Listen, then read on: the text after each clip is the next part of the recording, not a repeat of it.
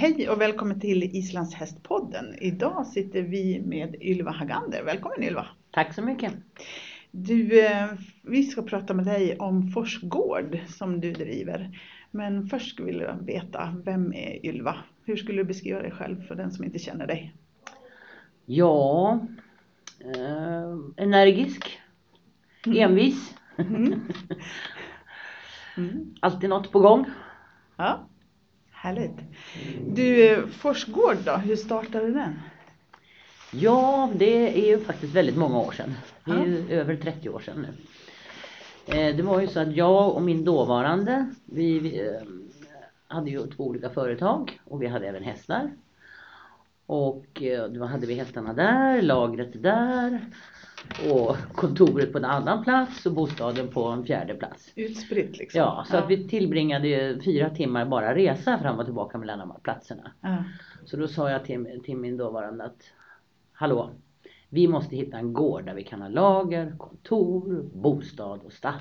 Vad hade ni för lager då? då liksom? Vad var det för något? Alltså min dåvarande hade en bygg, byggnadsfirma Okej. Ja. Mm, mm, och jag hade en städfirma. mm, mm.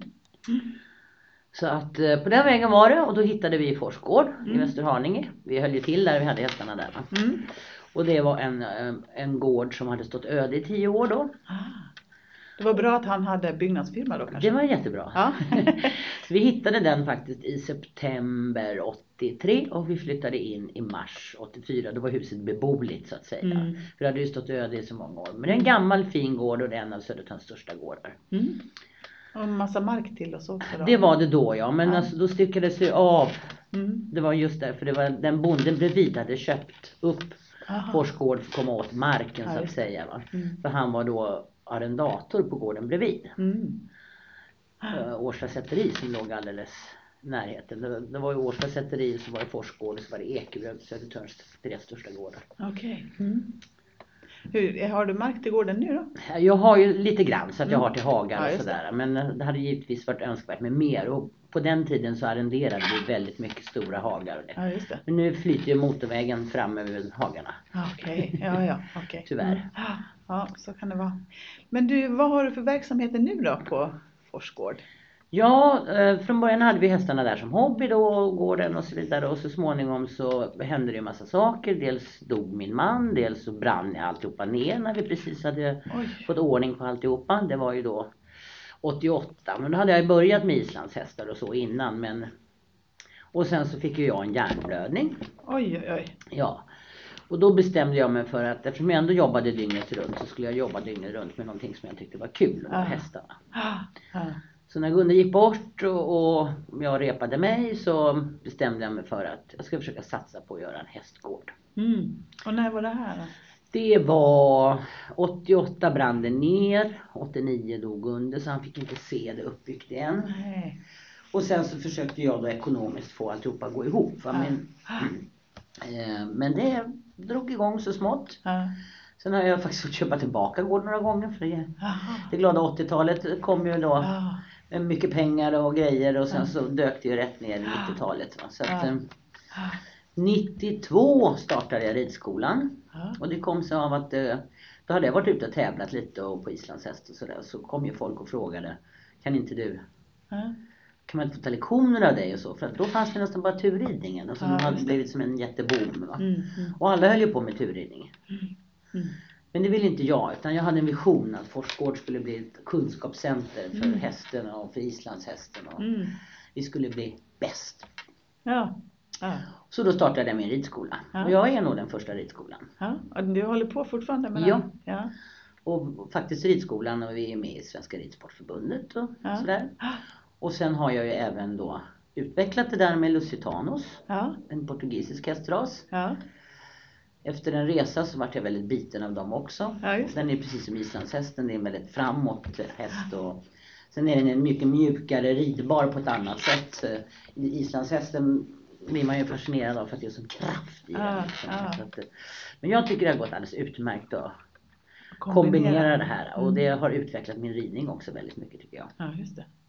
Du, hur stor eh, är verksamheten i ridskolan då? Ja men den är ganska stor. Alltså, vi har ju då ridskola måndag till eh, torsdag. Ja. Och det är kanske ja, runt 170, Mm. mellan 170 och 200 elever där. Ja, just det. Sen har vi lite uteritter på helgerna också och sen har vi lite hästis på söndagarna då. Ja. Där liksom påläggskalvarna Ja, kommer in precis. till ridskolan. Men har du hand om alla de här eleverna själv? Nej, det har jag Nej. inte utan jag har massa duktiga medarbetare. Ja. Annars hade det inte fungerat. Nej, så jag har jag både stallpersonal och de som hjälper mig med kontoret, administrationen. Och jag har ju även inhyrda lärare. Någon, någon som är anställd som jobbar också. Och sen jobbar jag själv också givetvis. Ja. Hur många anställda har har jag mest själv. Ja, Okej. Och hur många anställda har du? Ja, det, tre till fyra står det i deklarationen. Mm. per år. Ja. Fulltjänster så att säga. ja, precis. Du nämnde de här Lusitanos Mm. där. Eh, har du dem på ridskola också? Ja, jag har någonting jag kallar lyxridskola. Aha. Och det är inte så att man, de går i grupp då, utan jag tar bara privatlektioner. Så man får Okej. beställa privatlektioner på dem. Mm.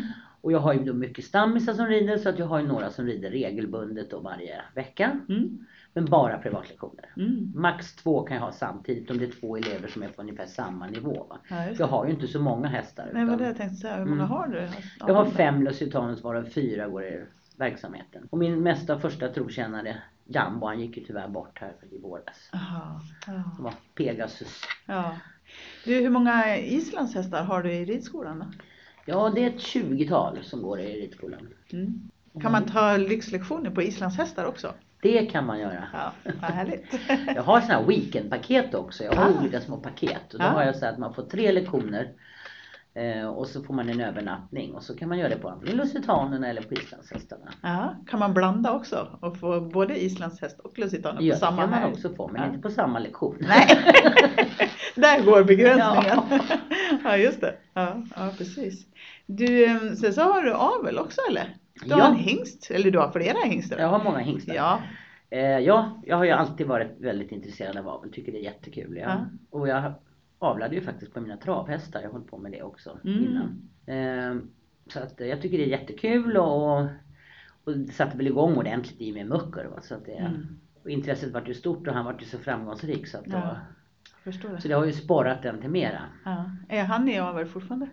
Ja, det är han. Jag tänkte inte han skulle bli täcka i år. Han, han blir 32 år. Ja. Han tycker nog att han ska det. Ja. Han, han, han var i somras. Ja. Och han är väldigt fertil. Ja, ja precis. Så att, eh, men det är klart.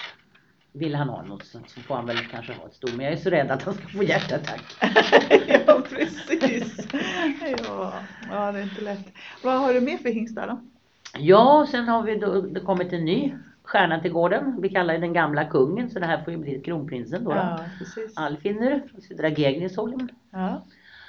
Och Alfinner är väl kanske bland det bästa avelsmaterialet i världen Ja. man kan få idag.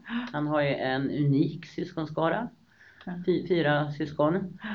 Albor är väl den som är mest känd. ja. Och, eh, och sen har han en syster som heter Alvhildur. Som har 10 för vilja och 10 för tölt. Vann väl landsmått för några år sedan. Mm. Sen Han är import från Island? eller? Han är import från Island och uppfödd av Olle Lamle. Mm. Och eh, är en otroligt eh, fin individ. Han har ju också då många, många, många halvsyskon som är också väldigt kända. Ja, precis. Du, vad är det som driver dig? Ja, galenskap. Nej men det är mitt enorma intresse för hästar och djur överhuvudtaget. Ja, Och tycker det är fantastiskt att hålla på med och det är så tacksamt. ja. Om man vill eh, komma till dig och rida där på Forsgård, hur Mm. kommer man i kontakt med dig? Du har en hemsida? Ja, jag har en hemsida som heter www.forsgard.se Mm. och där kan man hitta mailadressen till mig för det bästa är att kontakta mig via eftersom Mm. telefonen vet man ju inte och för bokningar och annat så måste man ha lite koll. Precis. Titta papperna. Du, eh, hur ser framtiden ut för Forsgård och för Ylva? Ja, det har jag också funderat på. Det är sånt man ständigt ska fundera på. ja, det är som man sen ska fundera på. Jag vill ju gärna utveckla det lite mer och jag tror inte att eh, jag kan utveckla ridskolan så mycket mer. Det är väldigt roligt, den är väldigt full och, och mina Lusitanos är också väldigt bokade och jag vill inte ha det i större omfattning än vad jag har idag. Va? Däremot så behöver man ju alltid liksom kanske förnya sig och sådär så att eh, jag försöker liksom lansera lite bed and box. Så Ja. har jag lite tankar på liksom att man kan ta med sig hästen och komma och bo och rida omkring eller ja, Mm. ta lektioner om man vill och så. Mm. Är det fina marker runt om där? Det är väldigt bra Ja. fin ridterräng runt omkring. Ja. Och i somras hade vi ett helt gäng ryttare som kom och liksom såg kvar och hade sina hästar i hagarna där och Mm. åt och drack och, Mm. och red vidare. Mm. Ja. Så körde vi deras grejer till nästa ställe. ja, ja, precis. Så att, Så man kan eh, göra sig en liten långritt så att säga. Ja, så det har jag väl tänkt att försöka utveckla det, det hela lite mera på det, eller komplettera verksamheten med. Va? Mm. Ved en bak så det ska heta Forsin. Forsin förstås, naturligtvis. Ja, härligt. Så det vill jag utveckla. Ja, precis. Mm. Vi har ju mycket kurser också. Mm. Jag tar ju dit alltså både Ole Lamble och Julie Borba och Mm. med jämna mellanrum. Mm. Och, ehm, och vi har ju en duktig dressyrtränare på gården också, Kerstin Dahlberg. Mm. Som hjälper mig väldigt mycket också. Och Mm. som hoppar in på lusitanlektionerna åt mig när jag inte hinner med. Mm. Ylva är ute och far och flyger lite mycket ibland. Mm. Mm. Men då tar Kerstin dem som till exempel idag har de mina lektioner Ja, okej. Ja, ja.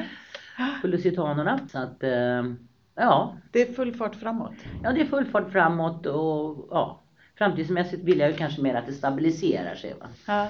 Tanke på att man börjar bli ålderstigen. Ja. Det tror jag inte. Det är bara en siffra. Ja, det är det och. Det känns som att det är fullt, fullt ös. Ja. Mm. Tack så hemskt mycket för att du tog dig tid Ylva att prata med oss. Mm, Tack själva, det är bara trevligt.